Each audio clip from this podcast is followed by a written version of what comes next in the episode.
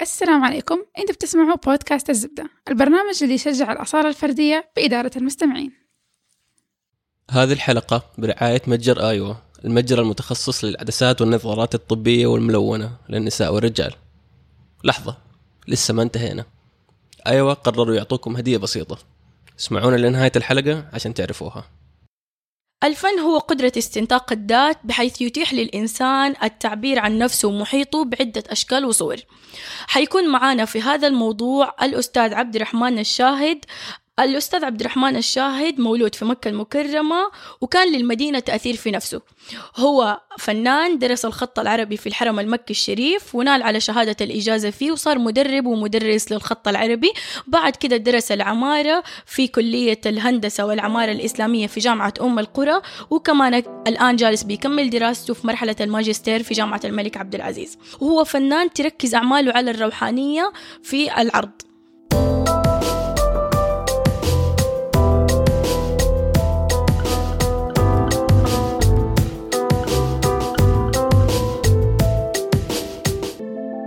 السلام عليكم. أنا محمد بشراحيل واليوم استلمت سيارتي بعد ما ضربتها وش بوي جديد. آه، أهلا. أنا نورة مهدي واليوم كله بقرأ عن الفن والفن المعاصر. جميل. أهلا وسهلا. أنا عبد الرحمن الشاهد مستمتع بوجودي معكم. أهلا وسهلا. الفن هو استنطاق الذات بحيث يتيح للإنسان التعبير عن نفسه ومحيطه بصورة تعبر عنه. في نفس الوقت عندنا الخط الخط هو نوع من أنواع الفنون البصرية. فاليوم معانا عبد الرحمن الشاهد حيتكلم معانا عن الفن المعاصر وعن الخط العربي. وكيف بيقدم مزيج رائع من الميكس بينهم. أستاذ شكرا لك. نتشرف. الله يسعدكم. آه، رب اشرح لي صدري ويسر لي أمري واحلل عقدة من لساني يفقه قولي. آه، الفن هو من الأشياء طبعا الممتعة في الحياة جدا. لما نتكلم عن الفن بنكون سعيدين مبسوطين. آه، في وجهات نظر كثير بتقول إنه هو من أهم الأشياء اللي بتعرفنا على الخالق جل جلاله لأنه مرتبط بالخلق بشكل كبير. وهو تعريف الفن كتعريف طبعا هو مختلف عليه من, من القرن العشرين تقريبا بدايته أو. قبل وهو في اختلافات كثيرة على تعريف الفنون وحصرها وكذا. آه، لكن آه، خلينا نقول إنه من وجهة نظري الشخصية الفن هو محاكاة للجمال الموجود. يعني الفرق ما بين الفن والجمال إنه الجمال صنع آه، إلهي والفن صنع إنساني. فالإنسان بيحاول يحاكي آه، قدرة الله في في الخلق في إظهار الجمال آه، حتى يعني يصل لهذه المرحلة الجميلة من من من المتعة. هو. انعكاس أحس الجمال الإلهي يعني الإنسان ما, ما بيجيب الفن من رأسه بيجيبه من الطبيعة اللي موجودة حوالينه. بيبدأ يستنبط كل الأشياء هذه ويسجلها في رأسه ويسوي لها تحليل صحيح. تنزل على هيئة فن. يا الفن هو الإلهام في نفس الوقت يعني. والآن صار الفن بيقدم رسائل كثيرة بيأثر في المجتمع بصورة عامة وبصورة خاصة. وصارت له توجهات وأشكال مختلفة أشكال غريبة عمرنا ما شفناها. وهذا اللي بيصير الآن وهذا الشيء اللي إحنا صرنا بنهتم له كل يوم بنشوف أعداد الناس بتدخل في الفن بطريقة آه، بأعداد أكبر بأشكال أكتر. وده الشيء اللي بيصير. صحيح صحيح. طيب أستاذ عبد الرحمن لو إحنا جينا بنتكلم عن الفن مع الخط العربي. الآن أنت عرفت لنا الفن نبقى نحت- نحتاج نعرف الفن مع الخط العربي. أنت إيش. إيش المزيج اللي أنت بتقدمه؟ إيش الشيء اللي أنت تبى توصله كفنان؟ سؤال جميل جدا وخلينا ناخذه من بداياته شوية يعني. يس هنتكلم طبعا عن الفن الآن بشقين آه، شق النظرة الغربية للفن آه، أو للفنون والنظرة مثلا الشرقية أو اللي فيها العربية. النظرة الإسلامية العربية. أيوه. فمثلا في الفنون بشكل عام طبعا هي يقسموها لمرحلتين آه، هامة جدا من ستينات ال- القرن ال- قبل الماضي اللي هو القرن التاسع عشر حتى ستينات القرن العشرين. هذه فترة يسموها الحداثة. آه، بعدها من الستينات حتى تقريبا الوقت الحالي بيسموه فن ما بعد الحداثة اللي هو الفن المعاصر. أو الفن المعاصر ما بين قوسين. طبعا خلال هذا الفن المعاصر طبعا في عدة مدارس اللي هي التكعيبية والتجريدية والسريالية وإلى آخره الفنانين اللي هم الرواد اللي عملوا هذه الأشياء. آه، الفن المعاصر آه، وكمان أهم شيء نقدر نعرفه إنه هو كان خروج عن المألوف بالنسبة لأي شيء سابق أي شيء كلاسيكي قبله. وهو طبعا هذا الشيء يتعلق بتقريبا سبعة أنواع من الفنون آه، على حسب التصنيف الغربي لها إنه هي تقريبا النحت والعمارة آه، تيجي بعدها الرسم والزخرفة بعدين التلوين بعدين يجي الموسيقى بعد الموسيقى يجي الإيماءات أو الرقص بعدهم يجي الأدب والشعر وأخيرا أضيف لها مؤخرا السينما. وطبعا حاولوا كثير من الناس أنهم يجمعوا كل هذه الفنون في في في إطار واحد أو في عمل واحد فكانت السينما تقريبا أو المسرحي من أكثر الأشياء اللي بتجمع الفنون آه، جميعها مع بعض كأدب وشعر كموسيقى كإيماءات كحركات تمثيلية كفن تشكيلي. هذه بالنسبة للنظرة الغربية. بالنسبة للنظرة الشرقية بيضاف مثلا آه، طبعا يعتبر في الخ... في في, في الإسلام الخط العربي هو فن مستقل بذاته. إذا مثلا بنتكلم عن الحضارات السابقة مثلا قبل خمسة ألاف سنة وأكثر آه، من أقدم الحضارات اللي موجودة مثلا في التاريخ عندنا حضارة قدماء المصريين بنلاقي الخط مرتبط بالعمارة بشكل كبير عندهم. فما نكاد نجد صرح معماري أو معبد إلا ونقوش الخط محفور عليه. طبعا الخط باللغة الهيروغليفية اللغة اللي كانوا آه، يكتبوها ويستخدموها ذاك الوقت. بعد ذلك آه، توالت الأمم في استخدام الخط مع العمارة. كل yeah. كل أمة بحسب عندنا في الفن الإسلامي في في هي بعد قدماء المصريين زي ما تفضلتي كل أحد جاء قاعد يضيف في فكرة استخدام الخط مع العماره هي صارت موجودة في المعابد. أيوه. حتى جاءت الحضارة الإسلامية زي ما تفضلتي. طبعا الإسلام من أهم الأشياء الجميلة فيه إنه الرسول صلى الله عليه وسلم يقول إنما بعثت لأتمم مكارم الأخلاق. يعني أي شيء جميل عملوه الأمم اللي قبلنا ترى الحضارة الإسلامية كملته. فمن ضمنها فكرة استخدام الخط مع العماره فصاروا المسلمين يستخدموا كتابة الآيات القرآنية على المساجد طبعا في كسوة الكعبة المشرفة مثلا مواجهة الحرم النبوي الشريف حتى في مسجد قبة الصخرة آه، تجد نقوش الخط محفورة وفي وحتى الآيات المستخدمة آه، في مثلا قبة الصخرة لما المسلمين بنوه. طبعا معروف أنه منطقة قبة الصخرة والمسجد الأقصى هي منطقة أديان أو شرائع مختلفة. اللي هي المسيحية واليهودية والإسلام. فلما جاء الفنان المسلم يعمل مثلا تحفة معمارية هناك استخدم الآيات اللي تخاطب الناس الموجودين في هذاك المكان. فكان حتى في رمزية للاستخدام يعني ما بيستخدم أي آيات وخلاص لا مثلا بيستخدم الآيات اللي بتتكلم عن سيدنا المسيح عن سيدتنا مريم بحيث إنه يعني يخاطب لها صلة وتأثير في المجتمع. يعني. زي ما تفضلت إيوه. فهذه من أهم الأشياء طبعا اللي الفن الإسلامي اعتنى فيها فكرة الخط العربي وكيف هو مرتبط من قديم الأزل. بأخ... آه بالفن أيوه.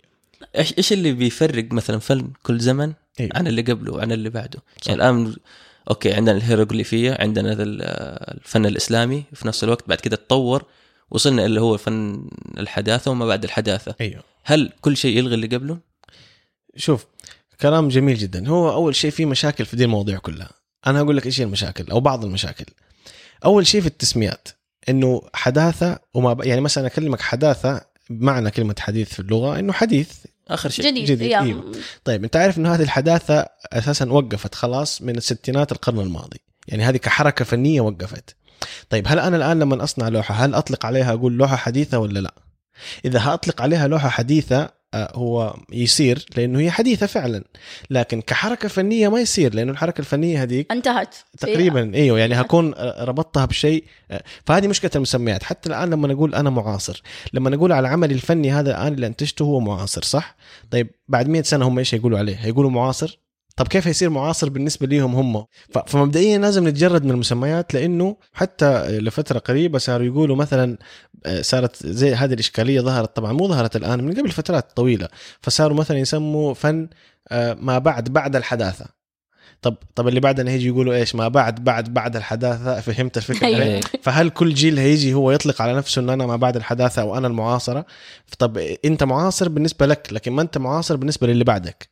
هذا كناحية زمنية طب في برضه أيوه. الناحيه الثقافيه يعني لما يجي أحد يقول لي مثلا هذه العمارة الإسلامية حلو إيش معناه العمارة الإسلامية؟ طب أنا اليوم لو أبغى أرسم شيء جديد شكل جديد صحيح هل هذا ما له أي علاقة بالثقافة بالضبط الإسلامية؟ نفس كلامك هذا هو يثار من قبل الباحثين الآن إيش إيش معنى أطلق عمارة إسلامية؟ إيش يعني كلمة عمارة إسلامية؟ هل هي العمارة اللي صنعت مثلا في بلاد المسلمين؟ أو هل هي العمارة اللي صنعت مثلا أثناء حكم الخلافات الإسلامية؟ أو هل هي العمارة اللي الآن تصنع بما إن إحنا الآن مثلا مسلمين وفي دول إسلامية وبنصنع عمارة، هل هذه يطلق عليها فيما بعد عمارة إسلامية؟ أم إنه العمارة الإسلامية لها خصائص تميزها مثلا الارشاد حقبة زمنية معينة أو لها حقبة، هل هي انتهت أم مستمرة؟ آه كيف التجديد في ذا الموضوع؟ كل هذه هل مسموح التجديد أصلا فيها ولا لا إنه خلاص إحنا هنا نقفل اللي راح نبدأ صفحة جديدة أنت فن جديد أيوة. أنت ما أو ممكن علاقة. نكمل على الصفحة على الفن اللي موجود ممكن إحنا جايين بنكمل عليه بن- بنطلقه بس بصورة مختلفة صحيح صحيح فممكن يكون الفن الإسلامي الحديث أو الفن الإسلامي المعاصر say يعني صحيح هو مثلا يعني خلينا بما إن إحنا تكلمنا عن الفن الإسلامي أو العمارة الإسلامية. أضيف حاجة بسيطة بحكم اختصاصي آه مثلا يعني خلينا ناخذ لو العمارة الإسلامية ليش يطلق عليها إسلامية؟ إنه لها هي خصائص تميزها. مثلا من أهم الخصائص اللي كانت تميز العماره الإسلامية إنها مثلا عندهم آه احترام مثلا حقوق الجار لأنهم هي عمارة قيمية عمارة قيم. يأخذوا القيمة ويطبقوها. فمثلا إحنا عندنا في الإسلام إنه ما حد يأذي جاره وكذا. فمثلا كان عندنا في العمارة الإسلامية عدم التطاول في البنيان. تلاقي البنيان ما في مثلا برج وجنبه بيت صغير دورين مثلا. ما تلاقي ده الشيء لأنه البرج أكيد هيكون كاشف البيت اللي هو الدورين مثلا. ما هياخذوا راحتهم وكذا وإلى يكون مراعي. للجيران فحتى في. له قيمة الفن يعني إيه. مو بس كان مجرد فن. صحيح. اي فتلاقي أي شيء مثلا نطلق عليه عمارة اسلاميه كان مثلا في القاهرة القديمة في دمشق القديمة في أي من ال- من جدة القديمة تلاقي دي فكرة عدم التطاول في البنيان. في الأغلب تلاقي النسيج العمراني هو في هذه القيمة. التوازن. تلاقي مثلا فكرة ال ال أو قيمة الستر فتلاقيهم يصنعوا المدخل المنكسر. إيش يعني المدخل المنكسر يعني اللي اللي ماشي في الشارع ما يشوف اللي جوة البيت لأنه الباب عامل زي حرف ال. ال تقريبا إيوه. فبحيث إنه الحريم تدخل بعدين تلف يمين بعدين تدخل البيت. يا سلام إيوه. يا فهذه بحيث ما يكون ظاهرين ال- يا سلام. فهذه مثلا خاصية ثانية. في واحدة من الخصائص مثلا إنه كان في فكرة الحرم لك والسلام لك إنه مجلس الحريم ومجلس الرجال. الحريم يكونوا قاعدين في دور أعلى يكونوا هم مطلعين على مجلس الرجال بس المجلس الرجال ما يقدر يشوفهم. كان في فكرة المشربيات الرواشين التغطيات الأشياء هذه. كل هذه وأكثر صنعت ما يسمى بفكرة العمارة الإسلامية فهي عمارة قيمية أكثر من كونها عمارة شكليه اللي هي إحنا بنشوفها مثلا بشكل فني هي أصلا تحمل قي- قيم صحيح. مجموعة قيم مو بس مجرد شكل يعني صحيح. زي ما إحنا إحنا كم يعني مو أحط حاجة. كده نجمة ثمانية أقول خلاص أنا كده عمارة إسلامية مضبوط، أيوة. هي يلا ال- عليها. ال- الصح إنه زي ما تفضلت إنه هل أنت حققت قيم ال- الإسلام في العمارة إذا حققت قيم الإسلام في العمارة وأهم ما يميز قيم الإسلام في العمارة إنه فكرة الميزان أو التوازن في أي التوازن. شيء أيوه لأنه ديننا انه دين وسطي فأنت بتكون متوازن في كل شيء. بمعنى إنه الآن ما ما أقدر أقول لك إنه بس العمارة الإسلامية إنك تستخدم حجر في البناء أو تستخدم خشب أو تستخدم أشياء قديمة لا أنت ممكن تعمل مبنى مثلا حديث بحديد بزجاج بالأشياء اللي هي ظهرت في عصرنا الحالي حاليا وتقدر تقول عليها عمارة إسلامية إذا عملت فكرة التوازن. إذا المبنى كان يحترم البيئة إيوه أقدر أقول عليها عمارة إسلامية. إذا المبنى ما بيصرف صرفيات كثير فما في استهلاك فما في هدر لل- لل- للموارد أقدر أقول عليها عمارة إسلامية. لأن هذه كلها قيم العمارة الإسلامية أو الإسلام بيوصي فيها. جميل جميل آه. جدا هذا هذا سؤال صراحة كان شاغلني فترة أيوة. طويلة واحس تجاوب عليه الآن طيب حندخل في موضوع آخر وهو إنه الآن إحنا تكلمنا عن الفن تكلمنا عن الفن المعاصر تكلمنا عن الخط العربي تكلمنا عن الفن الإسلامي م. الآن حنيجي للحقبة الزمنية الحالية وعن الفنانين كيف بيمارسوا الفن المعاصر وكيف صار اهتمام أنت كفنان كيف بتشوف صار الاهتمام في الفن بشكل عام بشكل خاص ولكن كيف صار اهتمام الناس الناس يعني شوفي هو دائما الفن مرتبط بال- بالوعي المعرفي والثقافي والإنساني وهو بيأثر ويتأثر فيه. يعني الفن بيأثر في المجتمع والمجتمع بيأثر على الفن. الفنان. أيوه. فهذه حلقة وصل مهمة جدا يعني كان من قديم الزمان فكرة الفنون. طبعا هي كان لفترات آه، قريبة جدا كان متحكم فيها متحكم فيها من قبل السلطة الدينية مثلا في الكنيسة أو حتى في الكذا. يعني فهم لما خرجوا من هذا الإطار التحكم صار يقدروا الناس آه، يحسوا إن هم في حرية أكثر في الكلام في حرية أكثر في إنه. يعبر في التعبير. لأنه مثلا آه، بعد الثورة الصناعية لما ظهرت آه، ظهر استخدام الحديد والزجاج مثلا في العمارة أو في طبعا هو من أهم ما يميز الفن هي العمارة فتلاقينا دائما إحنا نتكلم عنها. أو لأنه حتى حاجة قدامنا. لأنه الحركات الفنية كلها أساسا ظهرت على العمارة أول. بعدين آه، يعني بعدين تجردت وصارت يا بأشياء أصغر أيوة. ثم أصغر. يعني فكرة التجريد هي أساسا في العمارة كيف أنا أجرد المبنى؟ فكرة مثلا كل الأفكار اللي هي الحركات الفنية في البداية البوهاوس ال- ال- المدارس الفنية الغ- الغربية اللي ظهرت في الغرب هي انعكست على العمارة أول أو على العمارة والفن في نفس الوقت فكانت العمارة هي الشكل اللي نقدر نوضح من خلاله إيش قاعد يصير في حياة الناس. فصار في عندنا طبعا نشأت أفكار المفاهيمي ال- اللي هي ال conceptual art اللي هي المفاهيمية المفهوم. ان أنا أعبر عن مفهوم ايا كان سواء كان مش شرط إنه أرسمه بفرشة ولون عشان أقول اللي أبغى أقوله. زمان الفنان كان يبغى يقول حاجة يرسمها رسم مثلا يرسم بحيرة وواحد قاعد واقف ومثلا أحد جنبه مثلا بيقول أنا بتكلم في ذا العمل عن دي الفكرة. في الفن المعاصر لا ما في زي كذا. ممكن أنا الفن أعرض- يشرح نفسه أو يتكلم أيوه عن نفسه. ممكن أنا أعرض منديل طايح في الأرض كذا وأقول لهم هذا أنا أقصد فيه كذا كذا كذا. فأصبح حتى غير الفنان الحرفي أو الفنان اللي يشتغل بيده يقدر أي أحد يكون فنان معاصر بمعنى الفن المعاصر اللي هو قائم الآن. آه، عندك فكرة؟ آه، توصلها بطريقة جميلة. حتى في بعضهم يقولوا حتى مش شرط تكون جميلة. أهم شيء الفكرة توصل صاروا يطلقوا عليه فن. ومن ومن هنا نشأت الاختلافات. متى أقول على هذا الشيء فن؟ ومتى ما أقول عليه فن.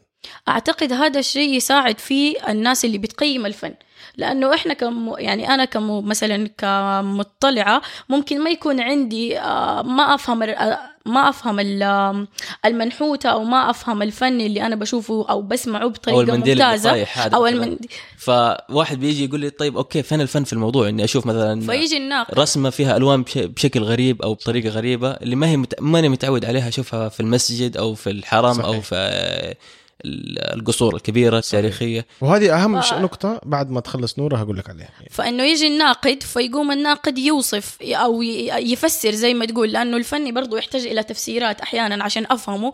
ف يجي الناقد يفسر إنه هذا الشيء فعلا بيوصل الرسالة المعينة وهذا الشيء كمان إحنا بإذن الله حنتطرق لموضوع آخر بيتكلم فقط عن النقد الفن لأنه هذا برضو موضوع مهم بيخلينا نفهم الفن بطريقة أكبر بيخلينا إحنا لما نجي كمتلقي كمتلقين للفن بنفهم الشيء اللي آه موجود بطريقة أكبر وبطريقة أحسن. صحيح. ومن أهم النقاط اللي ذكرتوها في كلامكم طبعا اللي كان اللي يعتمد عليها فكرة الفن المعاصر فكرة الدهشة. هو الفنان بيحاول يدهشك بأي طريقة. فبمجرد ما أنت اندهشت هو يقول إنه أنا كذا أثرت فيك. بمعنى إنه الآن صار مو مرة هت- هتندهش إذا عرض لك عمل مثلا كلاسيك أو بألوان زيتية وايا كانت قصته صحيح. لكن راح تدهش لما تلاقي منديل طايح في الأرض يقول لك الفكرة ورا المنديل ده إنه مثلا هذا كان منديل فلان اللي راح المكان يعني راح يديك قصة وراء هذا المنديل فراح تجذبك القصة إنه كيف المنديل هذا عرض كعمل فني فيخليك تتلمس ال- الفن أو الجمال في كل التفاصيل حواليك. هو هذه من أهم الأشياء اللي هم بيسعوا لها إنه العمل الفني يطرح الدهشة ويطرح تساؤلات. طالما أنت خرجت من العمل الفني هذا آه، يعني أنا من وجهة نظري كمان هذه الشخصية إنه العمل الفني الجيد هو اللي يطرح تساؤلات أكثر مما يجيب على تساؤلات. عشان يعني- كده إحنا نحتاج التفسيرات أحيانا. أيوه. و- و- وكثير فنانين ما ي... ما يعطوا تفسيرات لأنهم في حرية في إنه كل متلقي آه، يجد آه، مساحة خاصة في فهم العمل. فيها. إيوه. مزبوط يقول لك المعنى في بطن الشاعر. صحيح صحيح صحيح. طيب كيف تشوف الآن اهتمام المجتمع في ده الشيء؟ ده سؤال لسه ما جاوبنا عليه. صحيح. كيف تشوف اهتمام المجتمع بالفن المعاصر؟ أنت كفنان. إذا بتتكلمي عن المجتمع ال- الإنساني بشكل عام في العالم لا بتكلم عن المجتمع اللي هو خلينا نتكلم عن المجتمع العربي. خلينا نتكلم على السعودية مثلا بالتحديد. آه قبل فترة زمنية معينة كان مثلا مرة قليل المعارض اللي موجودة عندنا قليل المتاحف قليل الأشياء دي كانت موجودة ولكن الناس ما عندهم اهتمام بها الآن صارت رحلات السياحة بتعزز من هذا الشيء بتجدده بتشتغل فيه. الآن صارت المعارض الفنية تقريبا إذا ما بنكون بدون مبالغة بتكون بشكل شهري. تقريبا كل شهر بيكون عندنا ف- معرض جديد. من ناحية حتى الجوائز حتى اهتمام الدولة نفسها حتى المحافظات صارت كلها بتعزز من هذا الشيء. فهذا بتعزز مثلا ده الشيء للفنانين. أنت الآن هل بتشوف إنه فعلا المجتمع صار بيتجاوب مع هذا الشيء؟ صار بيهتم له؟ صار بيجي بيفهم بيحاول يستوعب الفن المعروض أو الفن المسموع؟ سؤالك جميل جدا وإجابتك جميلة. يعني ما شاء الله عليك سألتي وجزء كبير جاوبتي عليه إنه فعلا نظرة المجتمع نفسه تغيرت بسبب عدة عوامل منها مثلا اهتمام نفس ال- المجتمع ال- ال- السعودي بهذا الموضوع اهتمام المسؤولين بهذا الموضوع. فهذه كلها العوامل طبعا أكيد بتأثر إنه يصير في انتعاش للحالة الفنية في المجتمع في أي مجتمع كان طبعا. هو بشكل إنساني الناس مهتمة بالفن من من قديم الأزل كل الشعوب والحضارات يعني تلاقيهم إذا أنت بتروحي مثلا تزوري أي دولة أهم شيء طبعا تطلع عليه في البداية عمارتهم آه، المكان اللي ساكنين فيه لأنه بيعكس آه، يعني فنونهم وبيعكس حياتهم كيف عايشين وراح تفهميهم من خلال مبانيهم وأيضا راح تفهميهم أكثر من خلال زيارتك لمتاحفهم وتتعرفي على الفن حقهم وكيف كانوا عايشين. فهي يعني تراث إنساني بحت. تيجي بعض الأحيان المجتمعات تكون مقصرة في التعامل مع ذات التراث وبعض الأحيان المجتمعات يصير في وعي ويصير في نضج أكثر في إنه أتعامل مع الفن كيف إني أنا أنظر للفن كيف أتفاعل معه كيف اثر فيه كيف يأثر فيا. فالحمد لله إحنا الآن طبعا بنعيش آه، حالة ممتازة من وجهة نظري بالنسبة للفن. أتوقع إنه حتى الفترة الأخيرة اللي هي من حوالي 50 سنة بدأت الحركة هذه تظهر أكثر في السعودية وفي جدة بالذات بدأت يعني صرت أشوف إنه مو ما كنت عايش من 50 سنة بس أشوف المتاحف إنه موجودة في ال 20 30 سنة الأخيرة بسبب إنه إحنا بدينا نتواصل مع العالم فشفنا إنه عندهم متاحف غير الكنائس والمعابد اللي عندهم اللي يحطوا فيهم الفن الفن حقهم. صحيح. فصارت عندنا فكرة إنه يس ممكن نقدر نسوي متحف نحط فيه اللوح حقتنا. صحيح. نسوي متحف نعرض فيه أشياء الموجودة في مكة والمدينة صحيح. اللي الاجانب ما يقدروا يدخلوها مثلا بالنسبة صحيح. لنا هنا. صحيح. وزي ما تفضلت ترى هي جدة يعتبر متحف مفتوح. يعني رحمة الله عليه أمين جدة السابق. الله يرحمه. أيوه. كان طبعا الدورات اللي بنشوفها في جدة في كل مكان اللي هي المجسمات الفنية هذه كلها من يعني من الأشياء اللي ربطت برضو المجتمع في جدة تحديدا بفكرة الفن وخلته أكثر انفتاحا على فكرة إنه يمارس الفن ويتقبل الفن. خصوصا شارع الأمير فيصل بن فهد اللي هو الممشى قريب الكورنيش. صحيح. يعني هذا أتوقع إنه هو كان آه، أكبر مع- معرض مفتوح في يعني العالم المنحوتات زي مثلا دوار الدراجة دوار الكرة الأرضية الدورات المختلفة كل هذه يعني أعمال فنية. مم. كلها أعمال فنية. رحمة الله عليه أمين جد الفارسي طبعا هو كان آه، المهتم بهذا الموضوع هو من أوجده. مم. فجزاه الله خير. وأبشرك القادم أجمل. بإذن الله. يس شايفين أيوة. شايفين التجديد اللي الآن بيصير في كل حاجة وشايفين الأشياء اللي جالسة مو بس بتجدد كترميم لا كمان جالسة بتجدد كفكرة معينة أو كشكل معين والآن بخصوص هذا الموضوع جاني تقريبا تم تجديد مدينة جدة القديمة صحيح. بحيث إنه تصير هذا المكان مو بس يعني مو بس إحنا بنزوره كمان إحنا بنزوره وبنتعلم منه وبنعرف ثقافتنا بنعرف آه، صاروا موجودين المرشدين وكمان أهالي هذه الأحياء القديمة اللي برضو هم موجودين بشكل دائم برضو بيعززوا من الصورة هذه بنفهمها من زي ما تقول من أهل من أهل البيت يعني. أحسنتي أحسنتي. هو طبعا زي ما تفضلتي قريب بدأوا في ترميم هذه البيوت والبيوت مهمة جدا قيمتها التاريخية يعني في بيوت أكثر من 300 سنة 400 سنة. فتخيل الإرث الحضاري الكبير اللي عندك تمتلكيه. يس. آه حنجي دحين نتكلم عن إنه كيف الفن يقدر يأثر في المجتمع ويتأثر به. وهذا شيء أنت كفنان تقدر تفيدنا فيه. سؤال عميق المفروض آه، يكون في المجتمع يشارك فيه يعني. أكثر يعني هو جميل لأنه بس فكرة إنه لما أنت تتكلم عن مجتمع معناته أنت محتاج عينات مختلفة من المجتمع يجاوبوا على هذا السؤال عشان تعرف فعلا هو كيف المجتمع بيتأثر ويؤثر ولا ما هي فارقة معاه طيب خلينا إيه. نتكلم مثلا عن المجتمع اللي أنت بتواجهه من طريق فنك خلينا نحدد هذا المجتمع بالتحديد وتشوف أنت كيف الناس بتتجاوب مع الفن اللي أنت بتقدمه وبتتأثر به آه، من من خلال تجربتي في عرض أعمالي آه، بجد فيها الناس اللي بتتأثر بشكل كبير جدا لأنه زي ما تفضلتي بمجرد ما يوصلوا الفكرة أو يوصلوا مثلا ليش الفنان عمل كده أو ليش اتجه هذا الاتجاه آه، بلاقي في حوار. ومن أهم الأشياء اللي بيعملها الفن إنه يطرح حوار. بمجرد ما صار في فكرة إنه طرح حوار حول هذا العمل أو حول هذا المفهوم من وجهة نظري هذا العمل الفني يعتبر عمل ناجح. فعشان كده إنه جميل ومهم إنه الفنان دائما تكون في آه، يعني يا إنه هو كفنان يطرح حوار بأعماله خلال تواجده في المعرض مع الزوار مع كذا يا إنه عمله نفسه الفني بالبيان تبع العمل هو يطرح فكرة أو يطرح حوار يخلي المجتمع ينتبه لها يخلي في وعي أكثر تجاه هذا الموضوع.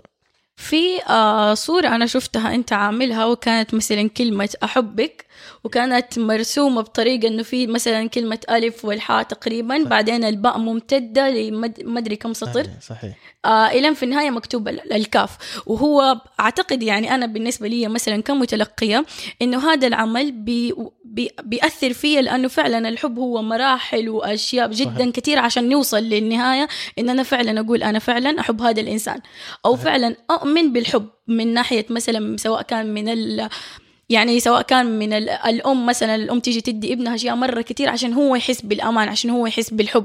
صح. ال- الزوجين مثلا وهذا شيء سواء في العمل أنت لازم تديه كتير عشان توصل في النهاية أنك أنت فعلا حبيت ده العمل وبدأت تنجز فيه عشان في العلم. في أشياء جدا كثيرة فدي مثلا أنا كمتلقية ده الشيء وصل لي هذه الرسالة. فأنت كيف تشوف أنه هل أنت فعلا تحس إنه هذا الشيء اللي أنت كنت بتأديه؟ يعني أنا الآن إيه. كمتلقية اديتك مثلا فكرتي في إنه أنا فهمت العمل بالطريقة هذه. هل فعلا هي دي الرسالة اللي أنت كنت بتوصلها؟ هذا التأثير اللي أنت كنت با؟ صحيح سؤال جميل جدا. زي ما تفضلتي العمل اللي بتتكلمي عنه هو كان طبعا ضمن مشروع اسمه ما بين السطور. آه، ما بين السطور هو مشروع آه، بيتلمس الدلالات الخفية اللي بين الكلام. وكيف إنه هو آه، تقدر تقول أنت كلمة واحدة تغنيك عن آلاف الكلمات. يعني ممكن أنت تألف مؤلف في الحب مثلا في مثلا كلمة أحبك إذا كان هو هذا أحد الأعمال آه، ممكن ما توصلك مشاعر زي لما أنا أقول لك كلمة واحدة ولكن هذه الكلمة تحمل داخلها الكثير من الكلام والمعاني مرسومة بطريقة تخليك تفكر يا أكثر من سلام. ور... خلف يا. الكاميرا يا سلام هذه هذه اللي اعتمدت عليها كفنان في طرح هذه الكلمة كثير فنانين اشتغلوا على الكلمة لكن لما جيت أتناولها أنا كمثلا ك... طبعا فنان. كخلفيتي كخطاط أو كخلفيتي كفنان إنه حاولت أوصل هذه المشاعر إنه أحيانا أنت تقول كلمة لكن تحس إن الكلمة ما تكفي المشاعر اللي جوتك تحس إن جوتك أكثر. يا أحيانا يقول يخوننا التعبير. فعلا فدائما حتى هو عندنا في البلاغة في اللغة العربية يقول لك ما بين السطور يعني أو زي ما تفضلت أنت في قبل شوي قلت المعنى في بطن الشاعر أو إلى آخره من العبارات توحي لك إنه أنا عندي الكثير من الكلام ولكن يعني يا دوبك أنا أقدر أعبر عليه بدي الكلمة. طبعا عملت أعمال أخرى على غرار كلمة احبك طبعا هي الكلمات اللي تتعلق بالمشاعر والعواطف هي أكثر شيء يعني مثلا تأثر ب- بالمجتمع برضو كان في أحد الأعمال آسف مثلا. آسف والسلام. فكرة الأسف لما تكررت ما بين السطور آه إنه أحيانا أنت لما تقول شخص آسف أنت في الحقيقة يعني تبغى تتأسف عن أشياء كثير بس ما عندك المساحة من التعبير إنك تتأسف عليها كلها أو تذكر أو سرد. تجردها أو تفصلها يعني. فاحيانا تبغى إنه كلمة واحدة تغني عن عن عن مشاعر آه، كثيرة. وكان في أحد الأعمال أيضا كلمة آه. الآه مثلا من منظور إسلامي خليني أكلمك. إنه أنت عارف إنه الآه هذه تسبيحة؟ تسبيحة. لا ما ما اعرف أيوه أنا عملت عمل فني آه. أيوه. الآه هذه تسبيحة. كيف تسبيحة؟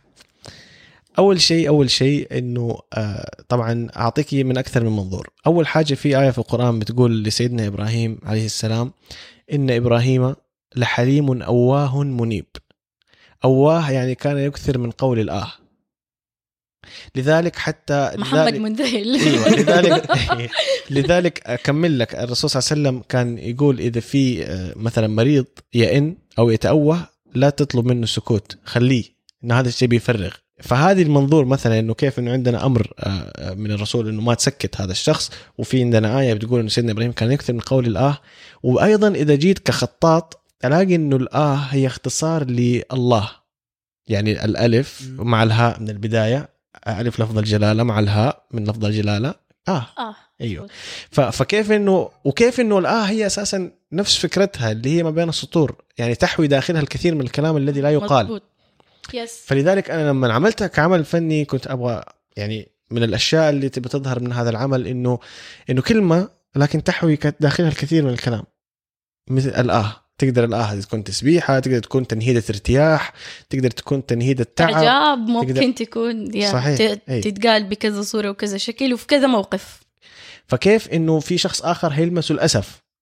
في شخص آخر هيلمسه مثلا آه، أي آه، كلمة من. الكلمات الأخرى نعم إيوه فهذه الآن هي ترجع هنا لل- للمتلقي يعني الفنان هو بيطرح عمله الفني حسب وبي وبيسيب شعوره مساحة يعني. للمتلقي إيش اللي يلمسك أنت كمتلقي وإيش اللي يأثر معك. وقد ما طبعا ما إنه نسبة أو شريحة كبيرة است... لمس... لمسها العمل أو طرح حوار في داخلها أو طرح تساؤل أو طرح دهشة أو زاد في الوعي كل ما كان هذا عمل ناجح. مزبوط طيب أه بسألك بس كم لك فترة تقريبا في ال- بتقدم مع في المعارض وكذا؟ الفترة آه، من الله علي طبعا في البداية بتعلم الخط في الحرم المكي الشريف. ما شاء الله. تقريبا من عمر صغير جدا.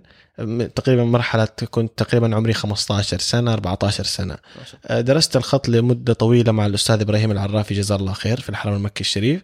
بعدها حصلت على الإجازة في الخط. الإجازة في الخط طبعا هي الخط العربي من الفنون اللي فيه اتصال السند مهم. Yeah. يعني زي مثلا عندنا القرآن الكريم إنه طبعا جبريل آه، آه، كان يقرأ القرآن على الرسول والرسول كان يقرأ على الصحابة والصحابة يقرأوا على التابعين وأتباع التابعين إلى وصلنا إلى ل- وصل لما إيه. يكون في سند لكل صحيح. كل آية معينة صحيح مزبوط. نفس الفكرة في الخط العربي هو من الفنون المتناقلة إلينا عن طريق الأساتذة يعني مثلا كتبة الوحي في الخط العربي الآن كتبة الوحي علموا مثلا اللي هم التابعين والتابعين علموا أتباع التابعين وهكذا إلى ما وصل إلينا اليوم. يعني ما تكتب الباء ب- بمزاجك. في قواعد في قواعد. الباء لازم صحيح. تبدأ بالزاوية الفلانية بتنزل صحيح. في بانحناء معينة. صحيح صحيح. طبعا القواعد هذه كيف تنشأ؟ تنشأ على على مرور الأجيال. يعني الخط اللي نكتب به الآن مش هو الخط اللي كان موجود في أيام الرسول أو في نوع من الخط لكن الآن إحنا عندنا مثلا أكثر يعني بنهاية الدولة العباسية وصلت أنواع الخط أكثر من 150 نوع خط. ففكرة التجديد في الخط هي مسموح فيها ضمن أطر معينة جمالية. تسمح بهذا الشيء. فما في مشكلة طبعا في فكرة التجديد. لكن كفكرة طبعا انتقال التعليم اكلمك عن تعليم الخط هي فكرة فيها آه، تسلسل. فالحمد لله طبعا بعد ما حصلت على الإجازة في الخط آه، أصبحت معلم أو علمت الخط في الحرم في الحرم المكي الشريف مع نخبة من أساتذة مكة والأستاذ إبراهيم العرافي. آه، طبعا التحقت بقسم العمارة. كل هذا المشوار أنا أمارس في الفن أشارك في معارض آه، آه، دولية ومعارض محلية. شاركت في أكثر يعني أتوقع إنه أعمالي سافرت أكثر مني. أعمالي ما شاء الله عرضت في الأرجنتين ألمانيا أوروبا بشكل عام أكثر من دولة في فرنسا في المغرب في مصر في الإمارات في اليابان في الصين في يعني ما شاء الله. ما شاء الله أكثر تقريبا من 15 دولة أعمالي مشاركة فيها. كنت أشارك مع جمعية الثقافة والفنون الأيام الثقافية السعودية اللي ت- تكون في الدول هذه كانت اعمالي تعرض معهم. ما شاء الله. فالحمد لله يعني بس فتقريبا كم لك كان السؤال بالتحديد؟ يعني مثلا تحديداً- في, جدة مثلا يعني المعارض كم لها تقريبا؟ يعني هو- الجديدة هذه. أجت فترة فترة دراستي للجامعة كنت آه، إنتاجي قليل الفني. فكنت شبه منقطع. فبعد ما خلصت البكالوريوس آه، أصبحت متفرغ أكثر للفن. فما أقدر أعطيك رقم بس يعني تزيد عن 12 13 سنة تقريبا. تلاحظون الناس في تزايد الآن؟ من حضور ناحيه المعارض مثلا؟ صحيح. في تزايد في اهتمام الآن صار. في اهتمام في وعي. صار لأنه آه، كمية الأعداد اللي بتسافر برا وبتطلع على الفن صحيح. آه، بتزيد. هذا في النقطة نفس اللي الوقت- بوصل لها أنا إنه إحنا تأثرنا بال... بالخ- بالموجود بالخارج. برا فنبغى نشوف هذا الفن. طب نبغى نشوفه عندنا. ما عندنا إحنا ناس كثيرة موجودين ونبغى نشوف منهم الفن. واحد مستعد يطلع من جدة إلى فرنسا إلى متحف اللوفر. بيدفع آلاف. هل يستاهل الفن كل هذا؟ إنه يندفع له آلاف؟ يستاهل أكثر. يستاهل أكثر. حقيقي الفن يعني كم- كمتلقي أنت مستمتع كفنان أنت مستمتع كمجتمع أنت مستفيد. آه، ك- كحضارة يعني أنت مصور قاعد- أنت. كل كل ال- يعني أنت كل في, في, في أي مقياس من مقاييس استمتاعك بالفن أنت هتكون في حالة عظيمة. فليش لا؟ أوكي؟ يعني اللي يقولوا الفن ما يأكل عيش هذا يمكن جملة ولا زمان؟ كنت بناء على هذه الكلمة لسه كان السؤال هذا بيدور في بالي. هل أنت تشوف إنه فعلا يعني تقريبا قبل برضو فترة زمنية معينة آه عبر سؤالي لكذا أحد إنه فعلا كان الواحد مثلا آه بنلقى الناس زي ما أنت قلت زمان في الكنيسة الشخص اللي يعرض أعماله هذا بيصنفوه كفنان. في نفس الوقت هذا اللي بيندفع له. صحيح. في الفترة اللي كانت قبل فترة بسيطة إنه كان الفنان بيجي يعرض عمله فقط إنه هو مجرد عمل ما بياخد مقابله. هل الآن صار الفن آه زي ما هو قال آه وتفضل بيأكل عيش وصار الفن له قيمة معينة في السوق بيندفع عليه أو لما أنت مثلا بتيجي تعرض مكانك في مكان معين الناس بتدفع القائمين على هذا المعرض بيدفعوا لك أو أنت بتدفع مقابل مثلا عدد الزوار. يعني إيش الطريقة اللي أنت بتشوف الفن صار مكسب بيها؟ والله هو سؤال مهم وأنا هجاوب عليه بصراحة. وممكن الصراحة دي تزعل ناس كثير موجودين أو ممكن يسمعوا هذا الكلام. مبدئيا فكرة الفن يأكل عيش أو لا هي مشكلة عند كل الشعوب والحضارات والناس اللي بتمارس الفن والفنانين. يعني إذا ناخذ واحد من رواد الفن مثلا بيكاسو. بيكاسو في مرحلة من حياته اسمها المرحلة الزرقاء. كان يرسم كل لوحاته باللون الأزرق. لك أن تتخيل إنه هو كان يرسم باللون الأزرق اللون الأزرق بيوحي بإيش؟ أنا هقول لك ليش كان يرسم باللون الأزرق. هم يحسبون إنه بير... في فلسفة في الفكرة في ال- في الموضوع هذا. لكن هو تخيل إنه كان يرسم باللون الأزرق لدرجة إنه ما كان عنده ألوان ما كان عنده فلوس يشتري ألوان يلا. ما كان عنده غير لون أزرق فكل لوحاته زرقاء فطبعا ما كان يعني لاقي يأكل وهو عايش في, في هذه الفترة. فلما طبعا ما أعماله تتباع بالملايين وكذا. يا فهذا بديك مثال إنه عدم تقدير الفنان وهو موجود. هذا هو بيكاسو. يا فأنا بديك مثال عظيم عشان الحين لما أديك الأمثال ال- الصغيرة إيه. ممكن نفهم. في الساحة الفنية الآن هو المقياس غير ثابت. في أسماء معروفة. أعرفها وسمعت هذا الكلام من فمهم شخصيا هو ممكن من جد مو لاقي يمشي يومه وكان معاه طبعا يعني بس ما هو ثابت الدخل حقه حق إنه كي كي يشتغل كفنان محترف يأكل العيش من الفن هذا الشيء مو ثابت. وفي فنانين لا ما شاء الله حالهم صار أفضل بعد إنهم صاروا يعتمدوا. على ال- على الفن كمصدر دخل فهي حالة غير ثابتة هل نوع الفن يفرق؟ يعني يفرق. التمثيل والغنى وال تدخل طب. مبدئيا مبدئيا كناس إحنا كده بننظر للموضوع بتجرد ما دام هو داخل فيها فكرة الرزق فإحنا مؤمنين كمسلمين إنه إنه الرزق هذا من عند رب العالمين. طبعا. أيوه. فهذه نقطة مفروغ منها. فممكن أنت تكون فنان عظيم ومكسر الدنيا وكل حاجة وما في جيبك 10 ريال طبيعي. هذه حاجة حق حقت ربنا. ما هي ما, ما لنا صلاح فيها. لكن إحنا نتكلم عن الأسباب اللي في يدنا. أتوقع في تقصير شوية. في ناس بتحاول وبتسعى وفي ناس بتدي الفنان حقه بحقيقي وفي ناس بتدعم الفن بدون مقابل. في ناس منهم- الفنان أيوه وأذكر منهم من الناس اللي بتدعم الفن حقيقي بشكل عظيم. في رجال أعمال بيقدروا الفنان بي- بيقتنوا منه أعمال بمبالغ آه، مناسبة. و... لا بس تجيني انت ما تؤمن بس- ما تؤمن أو ما تحس إنه فعلا ده الشيء يسبب لك دخل آه، هو يسبب دخل كويس إذا أنت يعني تفرغت له تماما. أعطيته من وقتك كثير زي مثلا إنك أنت مثلا ولا بتشتغل تستنى عشان أيوه ولا تستنى. الثمرة سريعة. مم. يعني أنا أنصح اللي يبغى يتفرغ للفن مو أنت هتصير فنان اليوم بكرة يصير حسابك في البنك. لا ممكن هذا الموضوع يطول معك ممكن يقعد خمس سنين ممكن عشر سنين ممكن سنة ممكن سنتين. على قد إيمانك بالموضوع على قد إيمان الناس فيك وعلى قد طبعا رزقك من رب العالمين هيتم هذا الموضوع. طيب الآن خليني أسألكم سؤال. كمتلقين نعتبر نفسنا كمتلقين عاديين. عشان إحنا نف- نفهم برضو جواب سؤال إنه هل الفنان إذا تفرغ لفنه هيلاقي هي- هيكفيه كمصدر دخل؟ إحنا الآن كمجتمع إذا رحنا وعجبنا شيء هل هنشتريه كفن كقطعة فنية مثلا؟ يعني أنا أقول لك برا الناس اللي مهتمة بالفن برا ممكن يجمع كذا شهر من راتبه عشان بس عجبته ديك القطعة الفنية يروح يشتريها. فإذا إحنا وصلنا لهذه المرحلة أتوقع الفنان ما هنخاف عليه لأنه هذا هيديله مزيد من الاستمرارية إنه ينتج فن أفضل وأجمل.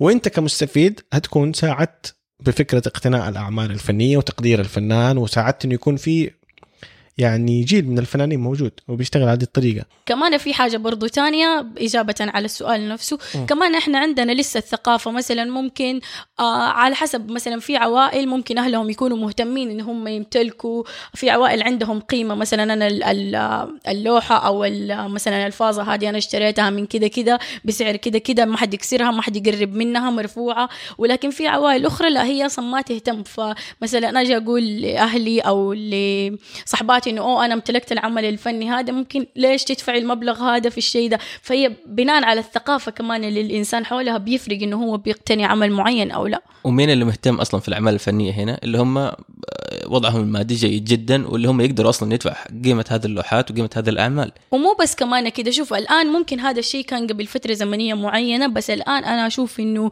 لما يصير معرض حتى إحنا الشباب يعني دائما ما يصادف إنه إحنا يكون أصلا عندنا رفقة مثلا يكون عندي صاحب فنان أو صاحبة فنانة. فإنه ده الشيء أصلا يخليني أروح ما دام عمله كان حيتعرض. فيصير كل أحد بيت... الفنان بيصير يكبر محيطه. فالمرة الجاية صحيح. مثلا أنا اليوم جيت عشان عبد الرحمن الشاهد المرة الجاية أنا حجي عشان عبد الرحمن الشاهد وكمان مثلا عشان فلان. فلان آخر. لأني لما حروح المعرض حتعرف على مجموعة من الأشخاص خاصة لما يكونوا الفنانين موجودين. وممكن نتطرق لهذا السؤال برضو. صحيح. أنه هل وجود الفنان في المساحة الفنية أو في بجانب العمل الفني؟ كوجهة نظر شخصية أنا أعتبر الفنان جزء من عمله الفني.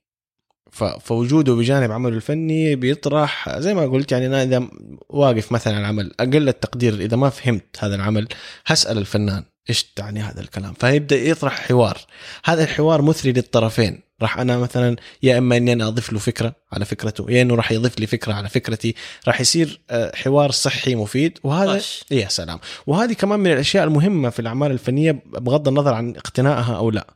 فكرة ال... هذا الكوميونتي الحوار اللي يكونه الفنان له المجتمع اللي هذا الحوار اللي حدث الآن هو هنا صار في وعي. فارتفع الوعي بالنسبة لي إذا أنا أخذت فكرة جديدة من الفنان.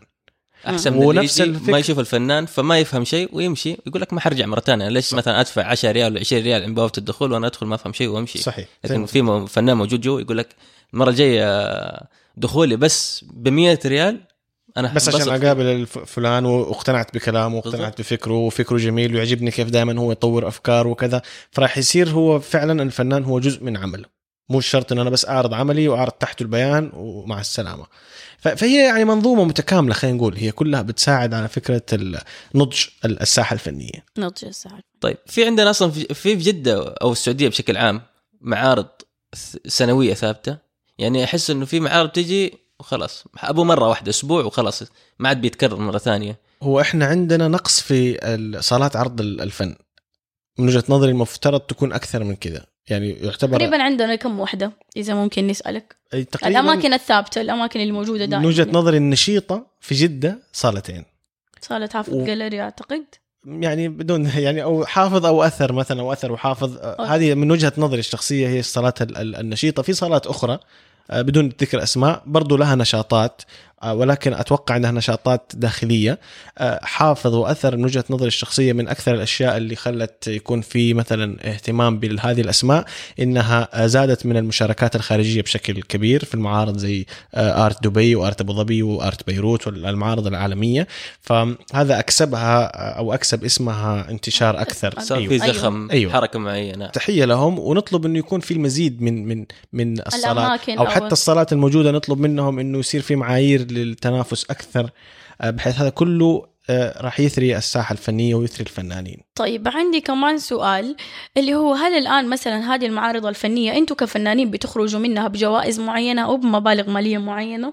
أو فقط بيكون آه، مجرد إنه أنتم موجودين هنا وخلاص؟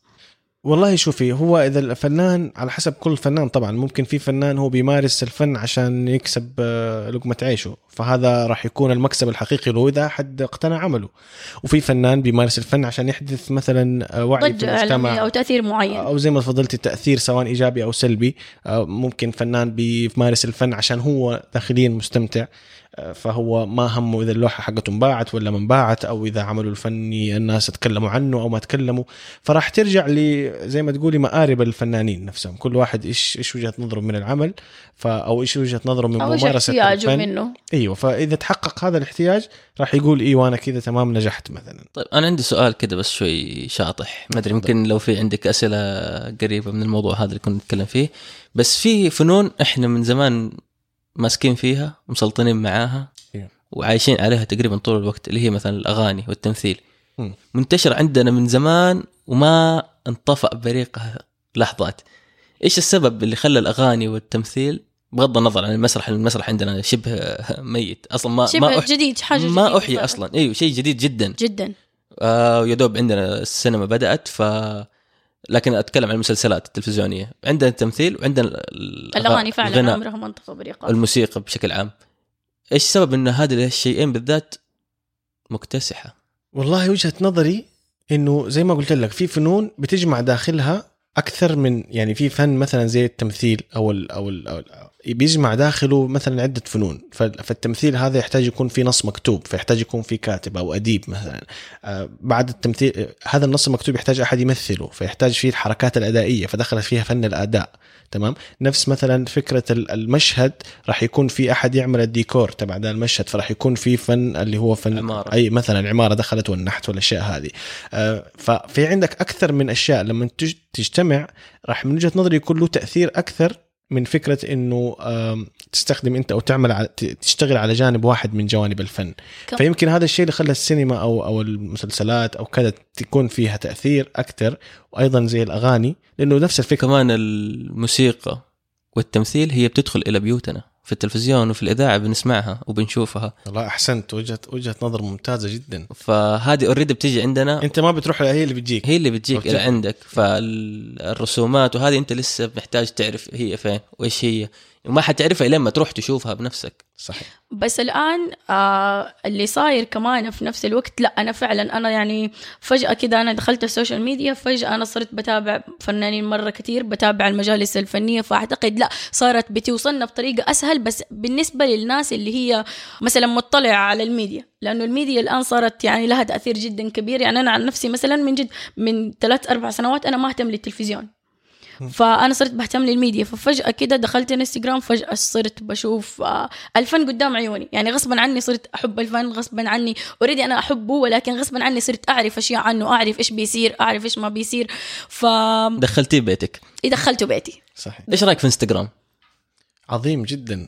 المكان الأفضل للفنانين من وجهة نظري صحيح. طيب. حلو.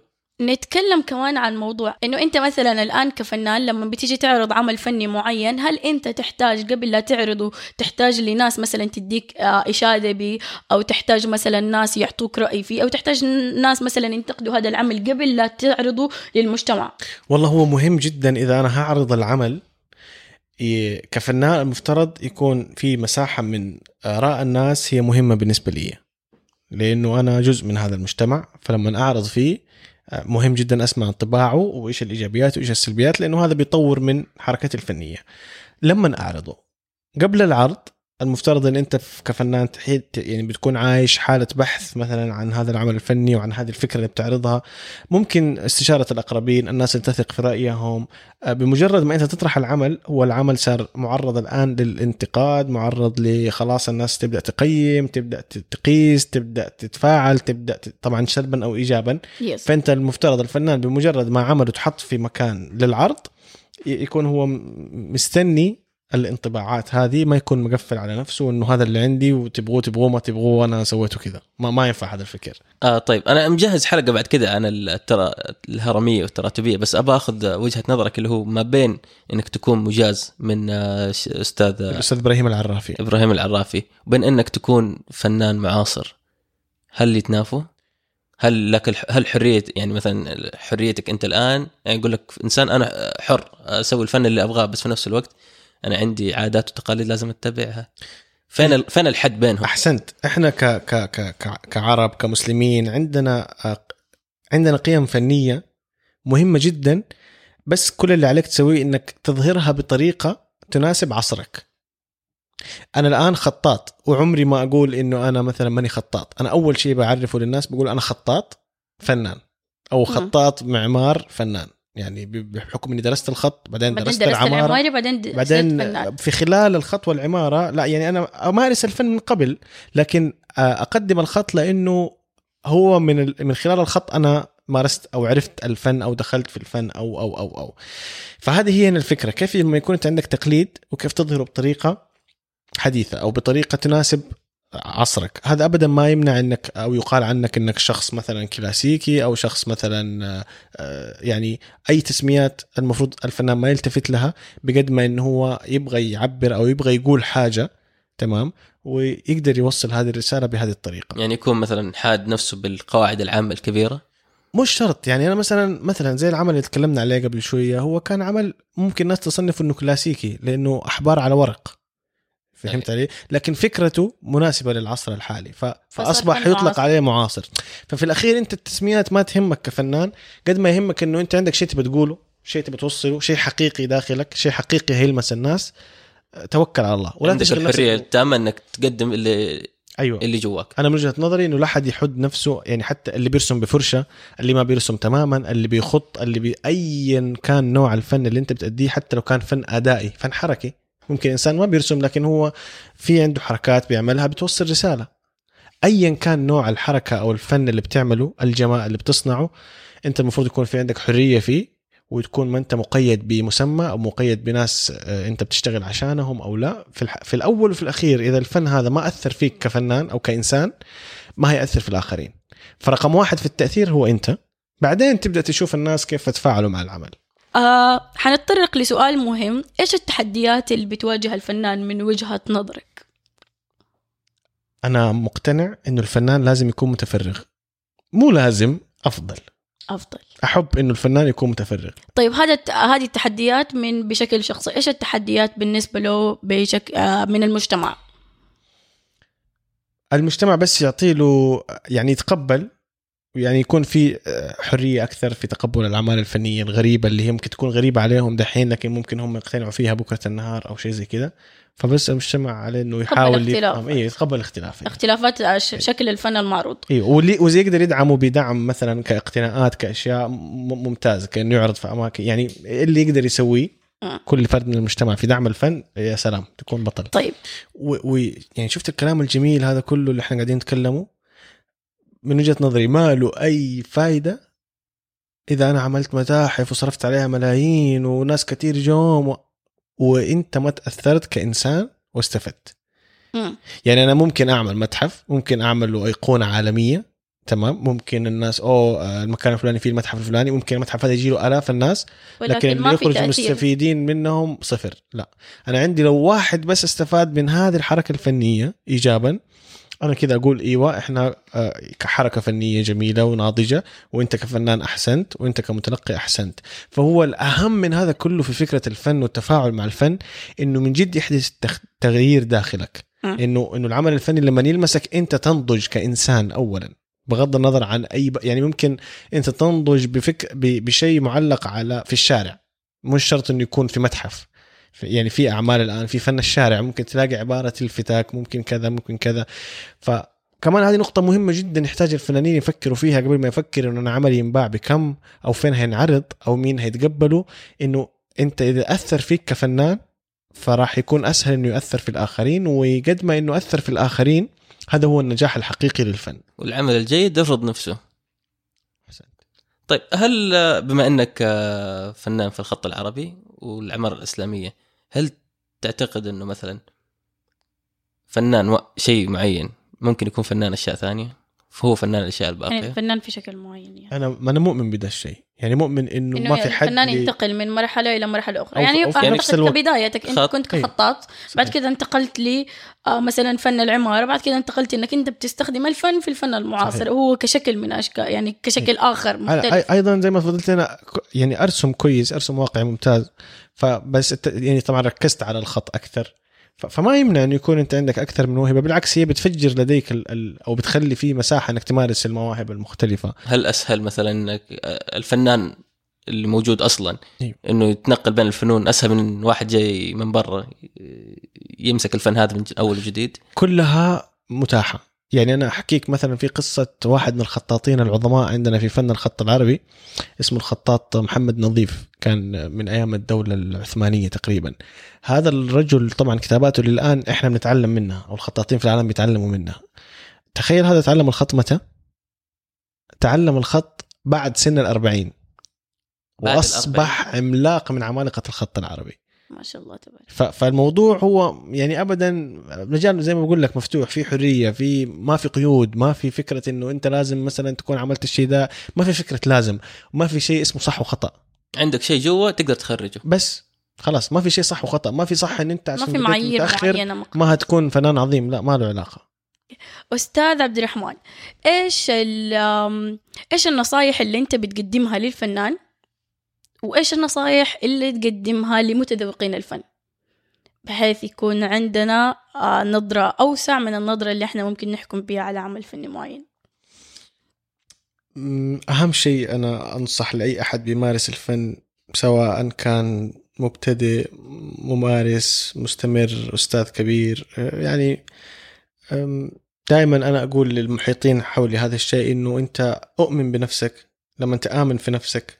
في موهبتك أه، راح يكون سهل إنه الآخرين يؤمنوا فيها ولا تستنى الإيمان يجي من خارجك خلي الإيمان دائما يكون من داخلك هذه بالنسبة طبعا تفيد ال- المبتدئين في في ممارسة الفن. آه، بالنسبة للممارسين أو الأساتذة أنا أطلب آه، الاستمرار. الاستمرار في الإنتاج، الاستمرار في الإنتاج، الاستمرار في الإنتاج. هذا أهم شيء هو يكون مفيد للفنان. آه، لا تربط استمرارك في الفن بأي معيار خارجي أو مؤثر خارجي. بمعنى إنه إذا ما انباع العمل الفلاني أنا ما هنتج أو إذا ما المجتمع ما تقبل فكرتي الآن فأنا ما هنتج فأنت يحتاج تكون دائما ممارس لأنه الفرصة دائما بتيجي للشخص المستعد مم. بالنسبة للمتلقيين يعني ما في أي نصائح غير إنه شكرا لأنكم مثلا بتعطوا جزء من وقتكم إنكم بتتكلموا مع الفنان بتقرأوا أكثر عن العمل. يعني بس هي فكرة قراءة واطلاع وسماح وتقبل. فيمكن أشكرهم. يعني. أيوه. والآن ننتقل إلى فقرة الزبدة. الفن هو آه، صناعة إنسانية تسعى لمقاربة الوصول من الصناعة الربانية المطلقة المطلقة اللي هي الجمال. فأنا أرجو أن يكون في تلمس أكثر للأشياء الجميلة من حولنا لأنه هذا بيخلق نفس سوية نفس سليمة آه، نفس رائعة. وكمان آه، أرجو أن يكون في ممارسة لأشكال الفن المختلفة من جميع الناس. الفن ترى ما هو حصر على الفنان آه، وحده. إحنا كل شخص فينا فنان. كل أحد فينا يقدر يمارس الشيء بجمال وبإحسان وبروعة وبعظمة آه، ويأثر في نفسه ويأثر في الآخرين وفي هذه الحالة هو يصبح فنان. مش شرط تكون عرضت عمل فني في صالة فنية عشان تكون فنان. فأنت فنان. يعني أي أحد يسمع هذا الكلام الآن أرجوك آه، ابحث في داخلك أنت فنان. يمكن أحسن زبدة سمعتها من يوم ما بديت أسجل. آه أنا زبدة الحلقة إنه الفن للجميع زي ما قال أستاذ عبد الرحمن أنا بداية الحلقة ما كنت أعتقد ابدا إني جنب الفن. الآن حسيت اني أنا يمكن من أحسن الفنانين الموجودين في الغرفة هنا. ثاني أحسن فنان في لا الغرفه بالعكس. لا بداخلك أعتبر نفسك أعظم إنسان. فحسيت فعلا إنه الفن بيلامسنا كلنا يعني موجود فينا كلنا وكلنا نقدر نكون فنانين كلنا عندنا القدرة والمعرفة الكافية إنه نبدأ نأثر ونتأثر بالفن وعادي جدا. إذا أنت تعتقد إنه ما تحب الرسومات أو ما تحب الأعمال الفنية أو أي شيء معين جرب حاول روح استمتع. طيب الزبدة بالنسبة لي الفن كل واحد لازم يكون مهتم للفن كل واحد لازم يكون مهتم ومطلع ومستمتع بالفن اللي موجود الفن المسموع الفن اللي إحنا بنشوفه. كمان في نفس الوقت آه الفن هو نشاط إحنا بنمارسه وبنخلينا نطلع عن عن المعقول. ف واحيانا يكون ضمن المعقول فالفن هو وسيلة جدا آه لها وسائل وسبل متعددة إحنا نقدر نستخدمها ونكونها. جميل جدا. نورة فين الناس ممكن تلقاكي؟ الناس ممكن تلقاني على إنستغرام. أعتقد هو البرنامج اللي أنا فيه بطريقة أكون أنا فيه. ممكن تلقاني تكتب نورة مهدي اندرسكور جميل. أستاذ عبد الرحمن فين الناس ممكن تلقاك؟ إلشاهد dot net. إنستغرام. هذا ال website أو الإنستغرام إلشاهد underscore underscore جميل. آه راح نحط الروابط كلها أسفل الحلقة في الوصف. أنا M O S B A S H A موس باشا في كل مكان تقريبا تويتر إنستغرام أو تليجرام. بالنسبة لهدية متجر آيوه متجر آيوه يهدوكم خصم 15% على جميع منتجات الموقع. كود الخصم هو اسم البودكاست حقنا. الزبدة أو بالإنجليزي A Z الآن تقدروا تروحوا تزوروا الموقع وتشتروا اللي تبغوه شكرا على استماعكم. إلى اللقاء.